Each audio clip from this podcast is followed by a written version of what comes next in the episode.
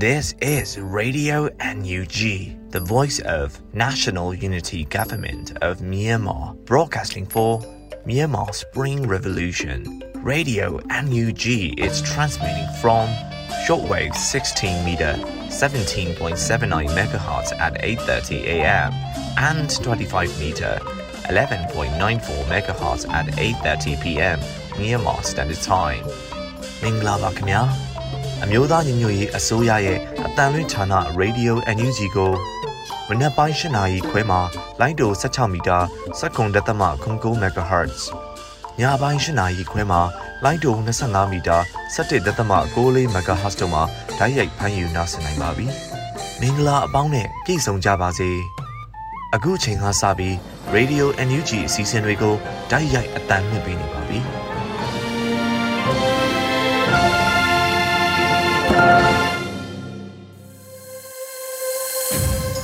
မြန်မာနိုင်ငံသူနိုင်ငံသားအပေါင်းတဘာဝပေးဆရာနာရှင်ပေတို့ကနေကင်းဝေးပြီးကိုစိတ်နှပါပေးကင်းလုံးကြုံကြပါစေလို့ရေဒီယိုအန်ယူဂျီဖွယ်သားများကဆုတောင်းမေတ္တာပို့သလာရပါတယ်ရှင်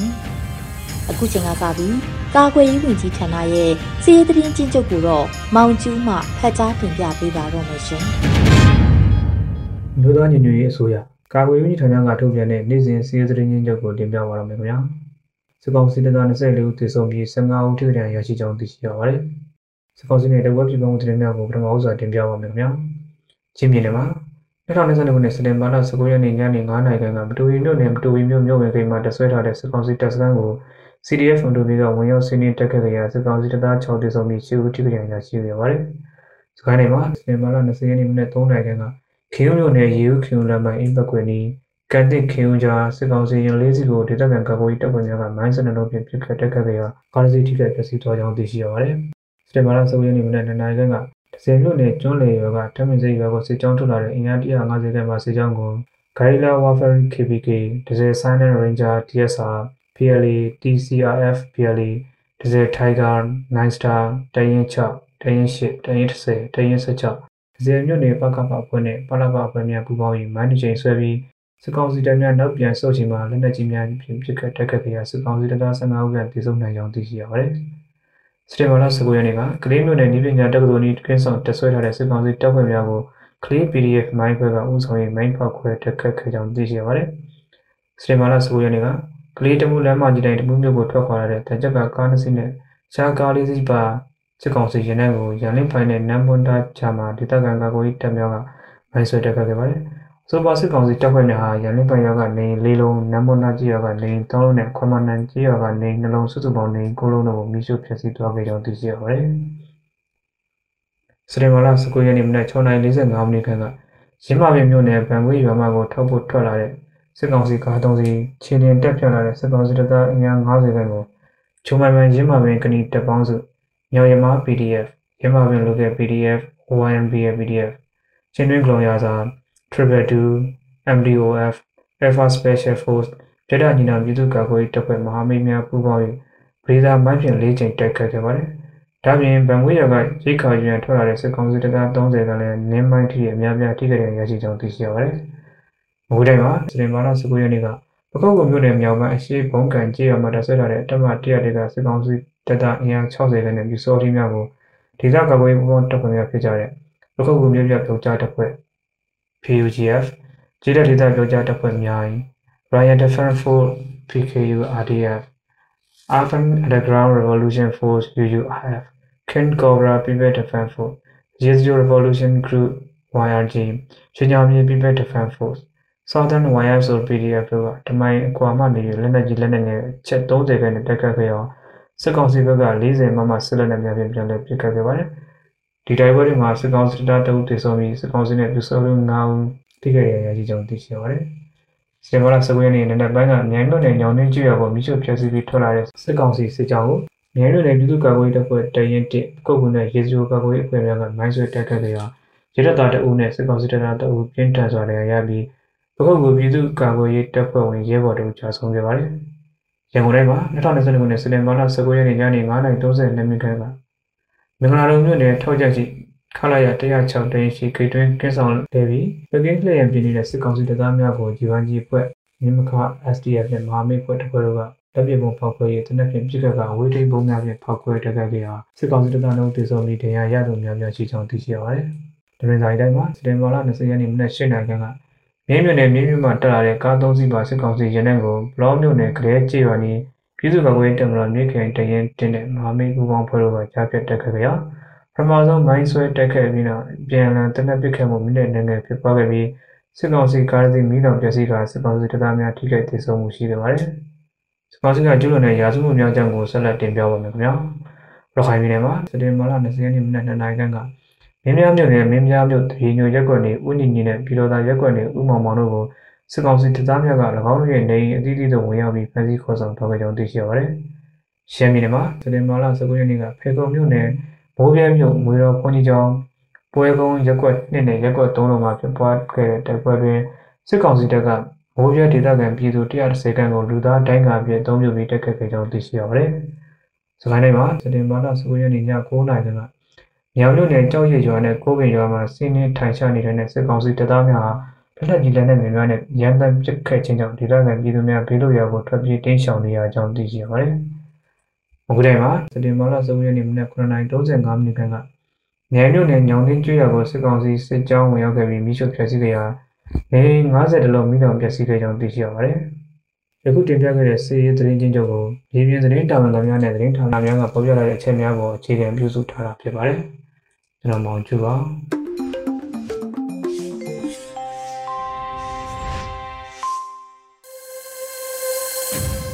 ရေဒီယိုအန်ယူဂျီမှာဆက်လက်အသံလွှင့်ပေးနေပါတယ်။အခုတခါနောက်ဆုံးရသတင်းများကိုအေရီမှဖတ်ကြားတင်ပြပေးပါတော့မယ်ရှင်။မင်္ဂလာပါရှင်အခုချိန်ကစပြီး Radio NUG မနက်ခင်းပြည်တွင်းသတင်းတွေကိုတင်ပြပေးတော့မှာဖြစ်ပါတယ်ကျွန်မကတော့ Airy ပါရှင် ပထမဆုံးအနေနဲ့အကြံဖက်စစ်ကောင်စီကိုအများဆုံးဖြုတ်ချနိုင်ဖို့နဲ့နိုင်ငံတကာအတိုင်းဝိုင်းအနေနဲ့မြန်မာနိုင်ငံမှာတွေ့ကြုံခံစားနေရတဲ့စိုးဝါလွတ်တဲ့လူအခွင့်အရေးချိုးဖောက်မှုတွေအပေါ်မှာမျက်စိမိတ်လိလူရှုမနေသင့်တော့တဲ့အချိန်ရောက်ပြီလို့ပြည်ထောင်စုဝန်ကြီးချုပ်ပြောကြားလိုက်တဲ့သတင်းကိုတင်ပြပေးပါမယ်အကြံဖက်စစ်ကောင်စီကိုအမြန်ဆုံးဖြုတ်ချဖို့ပြည်ထောင်စုဝန်ကြီးချုပ်မန်ဝင်းခိုင်တန်းကစက်တင်ဘာလ20ရက်နေ့မှာကျင်းပပြုလုပ်တဲ့အမျိုးသားညီညွတ်ရေးအစိုးရရဲ့68ကြိမ်မြောက်အစိုးရဖွဲ့အစည်းအဝေးမှာပြောကြားလိုက်ပါတယ်။ မိုးပြင်းမှာလည်းစစ်ဘေးရှောင်ပြည်သူတွေရှိတဲ့နေရာကိုစစ်ကောင်စီတပ်ကပြစ်ခတ်တဲ့လက်နက်ကြီးကြားရောက်ပြီးကလေးငယ်တွေအပါအဝင်၄ဦးသေဆုံးခဲ့ပြီး၁၀ဦးထပ်မံဒဏ်ရာရရှိခံစားခဲ့ရတယ်လို့သိရပါတယ်။လူတစုရဲ့အာဏာမန်မောမှုတွေကြောင့်ပေါ်ပေါက်လာခဲ့တဲ့ကျွန်တော်တို့နိုင်ငံရဲ့ဆိုးဝါးလုံးတဲ့ကံကြမ္မာအတွက်အပြစ်မဲ့အသက်ဆုံးရှုံးသွားရသူတွေအတွက်ပြည်သူတွေခါးစည်းခံနေရတဲ့ဒုက္ခပေါင်းများစွာအတွက်တရားမျှတမှုကိုမျက်နှိုးကြရဲဆိုတဲ့ကဘာကြီးကဝိုင်းဝန်းပြီးတရားမျှတမှုအတွက်အပြေရှားပေးဖို့လိုနေပြီလို့လည်းအလေးနက်ပြောကြားလိုပါတယ်။ဒီဒေါ်လာရေးဟာကျွန်တော်တို့ပြည်သူတွေအတွက်ပေးဆက်ရမှုအင်မတန်များတဲ့ဒေါ်လာရေးဖြစ်တာကြောင့်ဒီအကြမ်းဖက်စစ်ကောင်စီတွေကိုဖြစ်နိုင်သမျှစူးစမ်းကြပြီးအများဆုံးဖြုတ်ချနိုင်ဖို့အင်မတန်အရေးကြီးပါတယ်လို့ဝန်ကြီးချုပ်ကဆိုပါတယ်။ဒါအပြင်နိုင်ငံတကာအတိုင်းဝိုင်းအနေနဲ့မြန်မာနိုင်ငံမှာကြုံတွေ့ခံစားနေရတဲ့ဆိုးဝါးလွန်တဲ့လူခွင့်ရေးချိုးဖောက်မှုတွေအပေါ်မှာမျက်စိမိတ်လျှူရှုမနေသင့်တော့တဲ့အချိန်ရောက်ပြီဖြစ်ကြောင်းကိုလည်းအခုလိုဆက်ပြီးပြောပါတယ်။ စကိုင်းတိုင်းတပရင်ကကိစ္စရဲ့ကြုံတွေ့ခဲ့ရတာမို့တနိုင်ငံလုံးကဓမ္မဘတ်တော်သားပြည်သူများနဲ့ထပ်တူဝမ်းနေကြည်ကွဲရပါတယ်လို့ဥစွာပြောကြားလိုပါတယ်။အကြမ်းဖက်စစ်ကောင်စီဟာဒီတော်လှန်ရေးကာလတလျှောက်အင်မတန်ဆိုးရွားလွန်းတဲ့အကြမ်းဖက်တပ်ဖြတ်မှုတွေကိုကျူးလွန်ခဲ့ရမှာဒီတစ်ခေါက်ဖြစ်စဉ်ကတော့အဆိုးဝါးဆုံးဖြစ်စဉ်တွေကကျွန်တော်တို့ရှင်နာရလွန်တဲ့ဖြစ်စဉ်တစ်ခုပဲဖြစ်ပါတယ်။ပညာသင်ကြားနေတဲ့လူမမဲကလေးတွေရှိတဲ့စာသင်ကျောင်းပေါ်ကိုလေကျောင်းနဲ့ပြစ်ခတ်တိုက်ခိုက်မှုလုပ်တယ်ဆိုတဲ့လုပ်ရဟာလူမဆန်လွန်းတဲ့ကြမ်းကြုတ်တဲ့ရာဇဝဲမှုကိုကျူးလွန်ခြင်းဖြစ်တာမို့နိုင်ငံတကာအတိုင်းအဝိုင်းအနေနဲ့လည်းမြန်မာနိုင်ငံမှာကြုံတွေ့ခံစားနေရတဲ့ဆိုးဝါးလွန်တဲ့လူခွင့်ရေးချိုးဖောက်ခံရမှုတွေအပြစ်မဲ့ပြည်သူတွေကလေးသူငယ်တွေအပေါ်ကျူးလွန်နေတဲ့စစ်ရာဇဝတ်မှုတွေအပေါ်မှာမျက်စိမိတ်လိလူရှုမနေသင့်တော့တဲ့အချိန်ရောက်နေပါပြီလို့ဝန်ကြီးချုပ်ကဆိုပါတယ်။စက်တင်ဘာလ16ရက်နေ့ကတပင်းမြို့နယ်လက်ရက်ကုန်းချွာကိုစစ်ကောင်စီတပ်က MI35 နှစ်စင်းနဲ့ပစ်ခတ်ခဲ့ပြီး စာတင်ကျောင်းတွင်မှာစာတင်ကြားနေတဲ့ကလေးငယ်တွေအပါအဝင်6ဦးသေဆုံးခဲ့ရပါတယ်။2021ခုနှစ်စက်တင်ဘာလ9ရက်နေ့မှာပြည်သူ့ခုခံတွန်းလှန်စစ်စတင်မှုအမျိုးသားညီညွတ်ရေးအစိုးရကကြေညာခဲ့ပြီးလက်ရှိမှာပြည်သူ့ခုခံစစ်တစ်နှစ်တာကာလအတွင်းစစ်ကောင်စီတပ်ဖွဲ့ဝင်2000ကျော်ကိုချေမှုန်းနိုင်ခဲ့ပြီလည်းဖြစ်ပါတယ်ရှင်။ဆက်လက်ပြီးလူဦးဒေါ်လာရေးနဲ့ဆက်ဆက်ပြီးအကျဉ်းထောင်တွေမှာထိမ့်သိမ်းခံရပြီးတည်တံ့ချမှတ်ခံရသူစုစုပေါင်း84ဦးရှိတယ်ဆိုတဲ့သတင်းကိုတင်ပြပေးပါမယ်။ 2022ခုနှစ်စက်တင်ဘာလ20ရက်နေ့ထိနယူးဒေါ်လာရင်းနဲ့ဆက်ဆက်လို့တည်တံချမှတ်ခံထားရပြီးအကျဉ်းထောင်တွေမှာထိမ့်သိမ်းခံရသူစုစုပေါင်း84ဦးရှိပြီဖြစ်တယ်လို့ AAPP ကဖော်ပြပါရယ်။မျက်ကွယ်ပြည်တံချမှတ်ခြင်းခံရတဲ့122ဦးအနက်မှာမျက်ကွယ်တည်တံချမှတ်ခြင်းခံရသူ42ဦးပါဝင်တာကြောင့်တည်တံချမှတ်ခံရသူစုစုပေါင်း126ဦးရှိပြီဖြစ်ပါတယ်။ 2021ခုနှစ်စစ်အာဏာသိမ်းချိန်ကစလို့2022ခုနှစ်စက်တင်ဘာလ20ရက်နေ့အထိဖမ်းဆီးချုပ်နှောင်ခြင်းခံရသူစုစုပေါင်း12444ဦးရှိပြီး၎င်းတို့အနက်ကမှ1489ဦးကတော့ထောင်ဒဏ်ချမှတ်ခြင်းခံထားရပါတယ်ရှင်။ဆက်လက်ပြီးကြားပြူနှစ်96 soldiers အတွက်ကိုရဲမင်း AAC ကိုမင်းမော်ကုန်းနဲ့ဟာငါးကောင်ကတနက်တွေထောက်ပို့ထားတဲ့သတင်းကိုတင်ပြပေးပါမယ်။ ကြားပြူနှစ်96 soldiers အတွက်ကိုရဲမင်း AAC ကိုမင်းမော်ကုန်းနဲ့ဟာငါးကောင်ကတနက်တွေထောက်ပို့ခဲ့ကြောင်းစက်တင်ဘာလ20ရက်နေ့မှာဟာငါးကောင်လူမှုကွန်ရက်ကဖော်ပြပါရယ်။ကြားပြူနှစ်96 soldiers အတွက်ကိုရဲမင်း AAC ကိုမင်းမော်ကုန်းနဲ့ကျွန်တော်တို့ဟာငါးကောင်ညီကိုများရအောင်ပို့ပေးခဲ့ပြန်ပြီပြလို့ဆိုထားပါရယ်။ဟာငါကောင်ဟာတာလူရှင်တော်အဖွဲ့ကတော်လိုင်းရေးရမုံကိုရရှိဖို့အတွက်လည်းပွဲတွေကရင်စ조사ထောက်ပံ့လျက်ရှိနေတယ်လို့လည်းသိရှိရပါတယ်ရှင်။ အားလုံးစုပေါင်းကြီးတထောင်ကမ်ပိန်းမှာ7သိန်း600ကိုကာကွယ်ရေးတပ်ဖွဲ့တွေထံထောက်ပို့ပေးအပ်တဲ့သတင်းကိုတင်ပြပေးပါမယ်။အားလုံးစုပေါင်းကြီးတထောင်ကမ်ပိန်းမှာ7သိန်း600ကိုကာကွယ်ရေးတပ်ဖွဲ့တွေထံထောက်ပို့ပေးအပ်ခဲ့တယ်လို့စက်တင်ဘာလ20ရက်နေ့မှာစေတက္ကသိုလ်တစ်ကျောင်းသားတမကကဆိုပါတယ်။ကျွန်တော်တို့ရန်ကုန်နီးပညာတက္ကသိုလ်ကျောင်းသားသမဂ္ဂစေတက္ကသိုလ်တစ်ကျောင်းသားသမဂ္ဂနဲ့စေတက္ကသိုလ်နှစ်ကျောင်းသားကော်မတီတို့ပူးပေါင်းပြီးဩဂုတ်လ29ရက်မှစက်တင်ဘာလ23ရက်နေ့အထိပြုလုပ်ခဲ့တဲ့အားလုံးစုပေါင်း7တောင်းကမ်ပိန်းမှာမြန်မာငွေကျပ်3680ခန့်ကောက်ခံရရှိခဲ့ပါတယ်။ အဲ့ဒီအနက်ကမှကြီးတောင်း1000စာ3600ကျပ်ကိုကရင်နီရှိတပ်ဖွဲ့10ဘွဲထံပေးပို့ထောက်ပံ့ပြီးဖြစ်ပါတယ်လို့ဆိုပါတယ်။တပ်ဖွဲ့ကိုကြီးတောင်း1000စာအသီးသီးထောက်ပံ့နိုင်ခဲ့ပြီးကျန်ရှိငွေ780ခန့်ကိုလည်းတိုက်ပွဲပြင်းထန်နေတဲ့မိုးရဲဘက်ကိုဆက်လက်ပေးပို့သွားမှာဖြစ်တယ်လို့ဆိုပါတယ်ရှင်။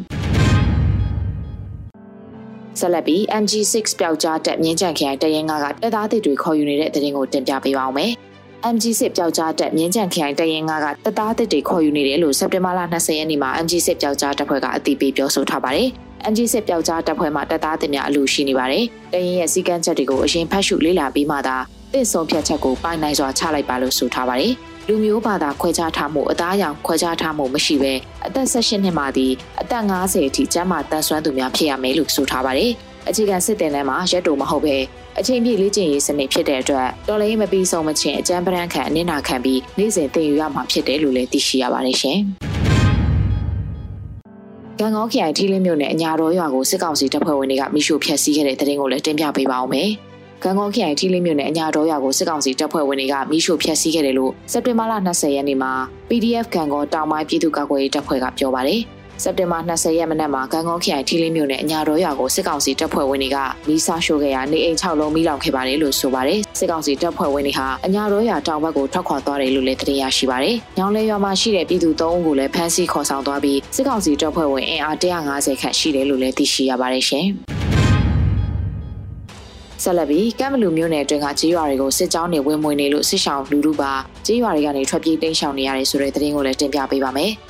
စက်တင်ဘာလ19ရက်နေ့ကစတင်ပြီးကိုရောင်မော်အထိုင်စခန်းကအကြမ်းဖက်စစ်အင်အား80ခန့်ဟာစကိုင်းတိုင်းကမ်ဘလူမြို့နယ်အတွင်းကကြေးရွာတွေကိုစစ်ကြောင်းထိုးနေတဲ့အတွက်စစ်ဆောင်လူလူတွေပါကြေးရွာတွေကနေထွက်ပြေးတိမ်းရှောင်နေရပါတယ်လို့ကိုရောင်မော်တော်လိုင်းအင်အားစုကဆိုပါတယ်။ကိုရောင်မော်အထိုင်စခန်းကအကြမ်းဖက်စစ်တပ်အင်အား80ခန့်အရှိတ်ထွက်လာပြီးအရှိတ်တကြောဝင်မွေနေပါတယ်။ကရင်းကန်ဖျားတောင်နဲ့ကြောင်မဲတောင်ဘက်လည်းအဖွဲခွဲမှွေနေပါတယ်လို့ဆိုပါတယ်။ လက်တလုံးမှာကိုင်းမရှားချောင်းရောကုံခဲတီရှိုနဲ့တစ်တာရွာတွေအပါအဝင်ရွှေရှားကိုးတောင်မို့စစ်ပေးဒုက္ခတွေပါထပ်မံပြေးနေရတယ်လို့အတိပြုပြောဆိုထားကြပါတယ်ရှင်။ဆက်လက်ပြီးလာရှိုးမြို့ကနေနေရက်အနောက်6ကန်ကြီးရွာကိုပြန်လာတဲ့အကြမ်းဖက်စစ်ကောင်စီတပ်ကပုံမှုကိုနေအိမ်မှာအရှင်ပစ်ခတ်ဖမ်းဆီးရမိခဲ့တဲ့တဲ့တင်ကိုတင်ပြပေးပါမယ်။ လာရှိုးမြို့ကနေနေရက်အနောက်6ကန်ကျေးရွာကိုပြန်လာတဲ့အကြမ်းဖက်စစ်ကောင်စီတပ်ကပုံမှုကိုနေအိမ်မှာအရှင်ဖမ်းဆီးရမိတော့လေပြန်လည်ခုခံတဲ့အတွက်ပြစ်ခတ်ဖမ်းဆီးခဲ့ရပါတယ်လို့စက်တင်ဘာလ20ရက်နေ့မှာ Earthquake People Defense Force အဖွဲ့ကဖော်ပြပါတယ်လက်နက်ပါရနိုင်ပေမဲ့လည်းစစ်တပ်ဂိတ်နဲ့နီးကပ်တာကြောင့်အိမ်တွင်းရှာချိန်မရပဲပြစ်ခတ်ရှင်းလင်းပြီးထွက်ခွာခဲ့ရပါတယ်လို့ဆိုပါတယ်။ပခုတ်ကူမြို့နယ်အနောက်6ကန်ကျေးရွာကိုပြန်လာတဲ့အကြမ်းဖက်စစ်ကောင်စီတပ်က မှတ်ပုံတင်အမှတ်73မြင်းဆောင်လာလာလာ9 394662နဲ့ကိုင်ဆောင်ထားတဲ့ပုံမှုအောင်ထုံးကိုကျွန်တော်တို့ Earthquake People's Defense Force အဖွဲ့ကအရှင်ဖမ်းဆီးရမိခဲ့ပါတယ်။စအဖတခြားရဲမှတ်တမ်းပခုတ်ကူမျိုးနဲ့တရားရုံးနဲ့သက်ဆိုင်တဲ့စာရွက်စာတမ်းနဲ့တခြားအရေးကြီးတဲ့စာရွက်စာတမ်းတွေနဲ့အတူ drone တစ်ခု equipment တစ်စုံနဲ့အတူဖမ်းဆီးရမိခဲ့ပါတယ်လို့ဆိုပါတယ်။အဆိုပါအရေးကြီးတဲ့စာရွက်စာတမ်းတွေအရရှေ့ဆက်ပြီးထပ်မံအရေးယူဆောင်ရွက်သွားဖို့ရှိတယ်လို့လည်းဆိုထားပါတယ်ရှင်။ အခုတင်ပြပေးခဲ့တဲ့သတင်းတွေကိုတော့ Radio NUG သတင်းတောက်မင်းမင်းကပေးပို့ထားတာဖြစ်ပါတယ်ရှင်။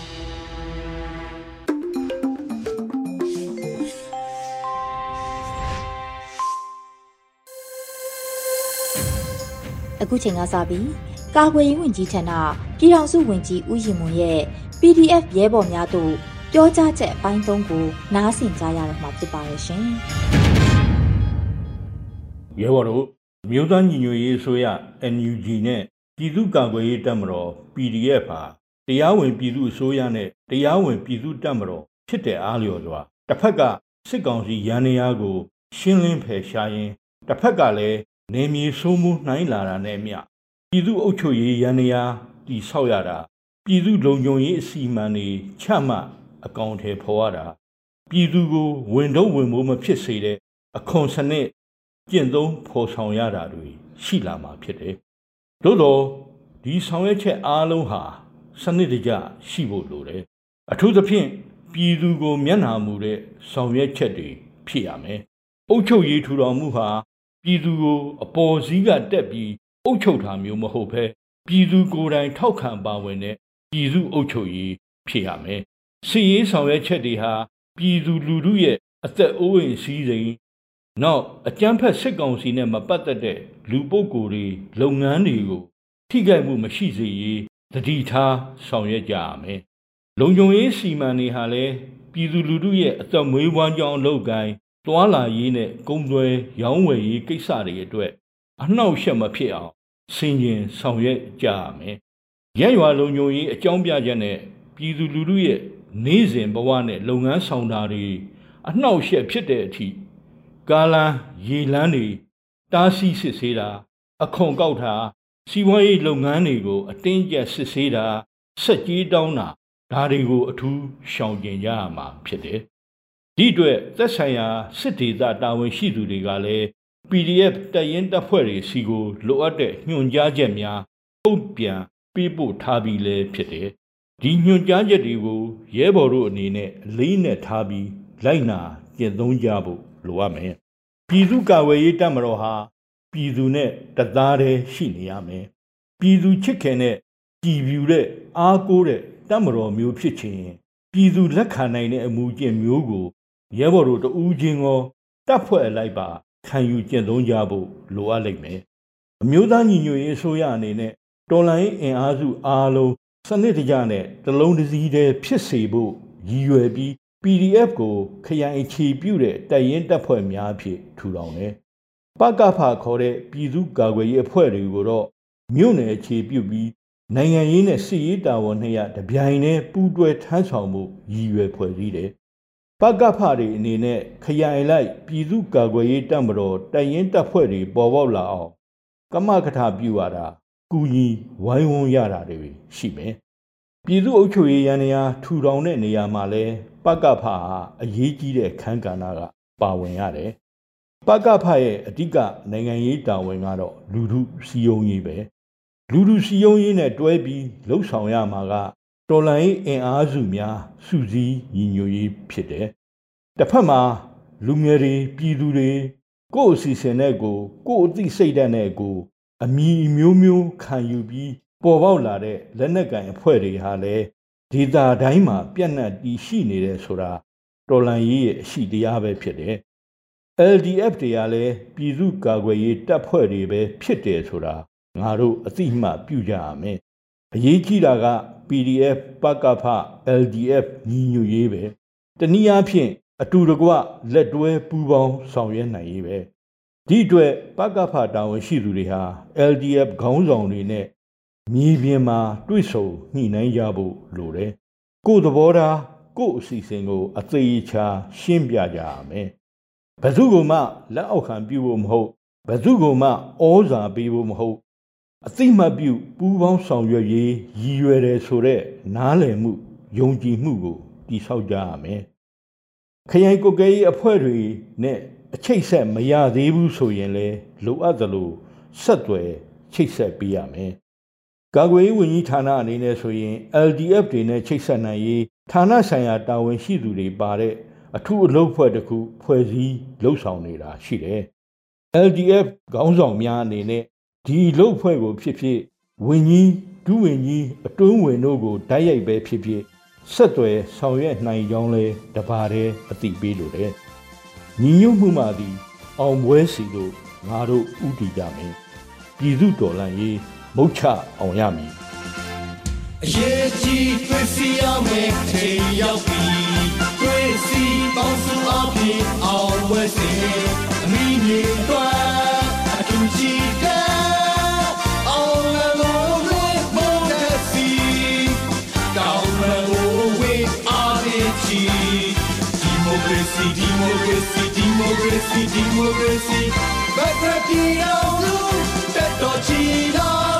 အချိန်ရောက်ပြီတွေ့ စီပေါင်းစုအဖြစ်အောင်ပွဲစီ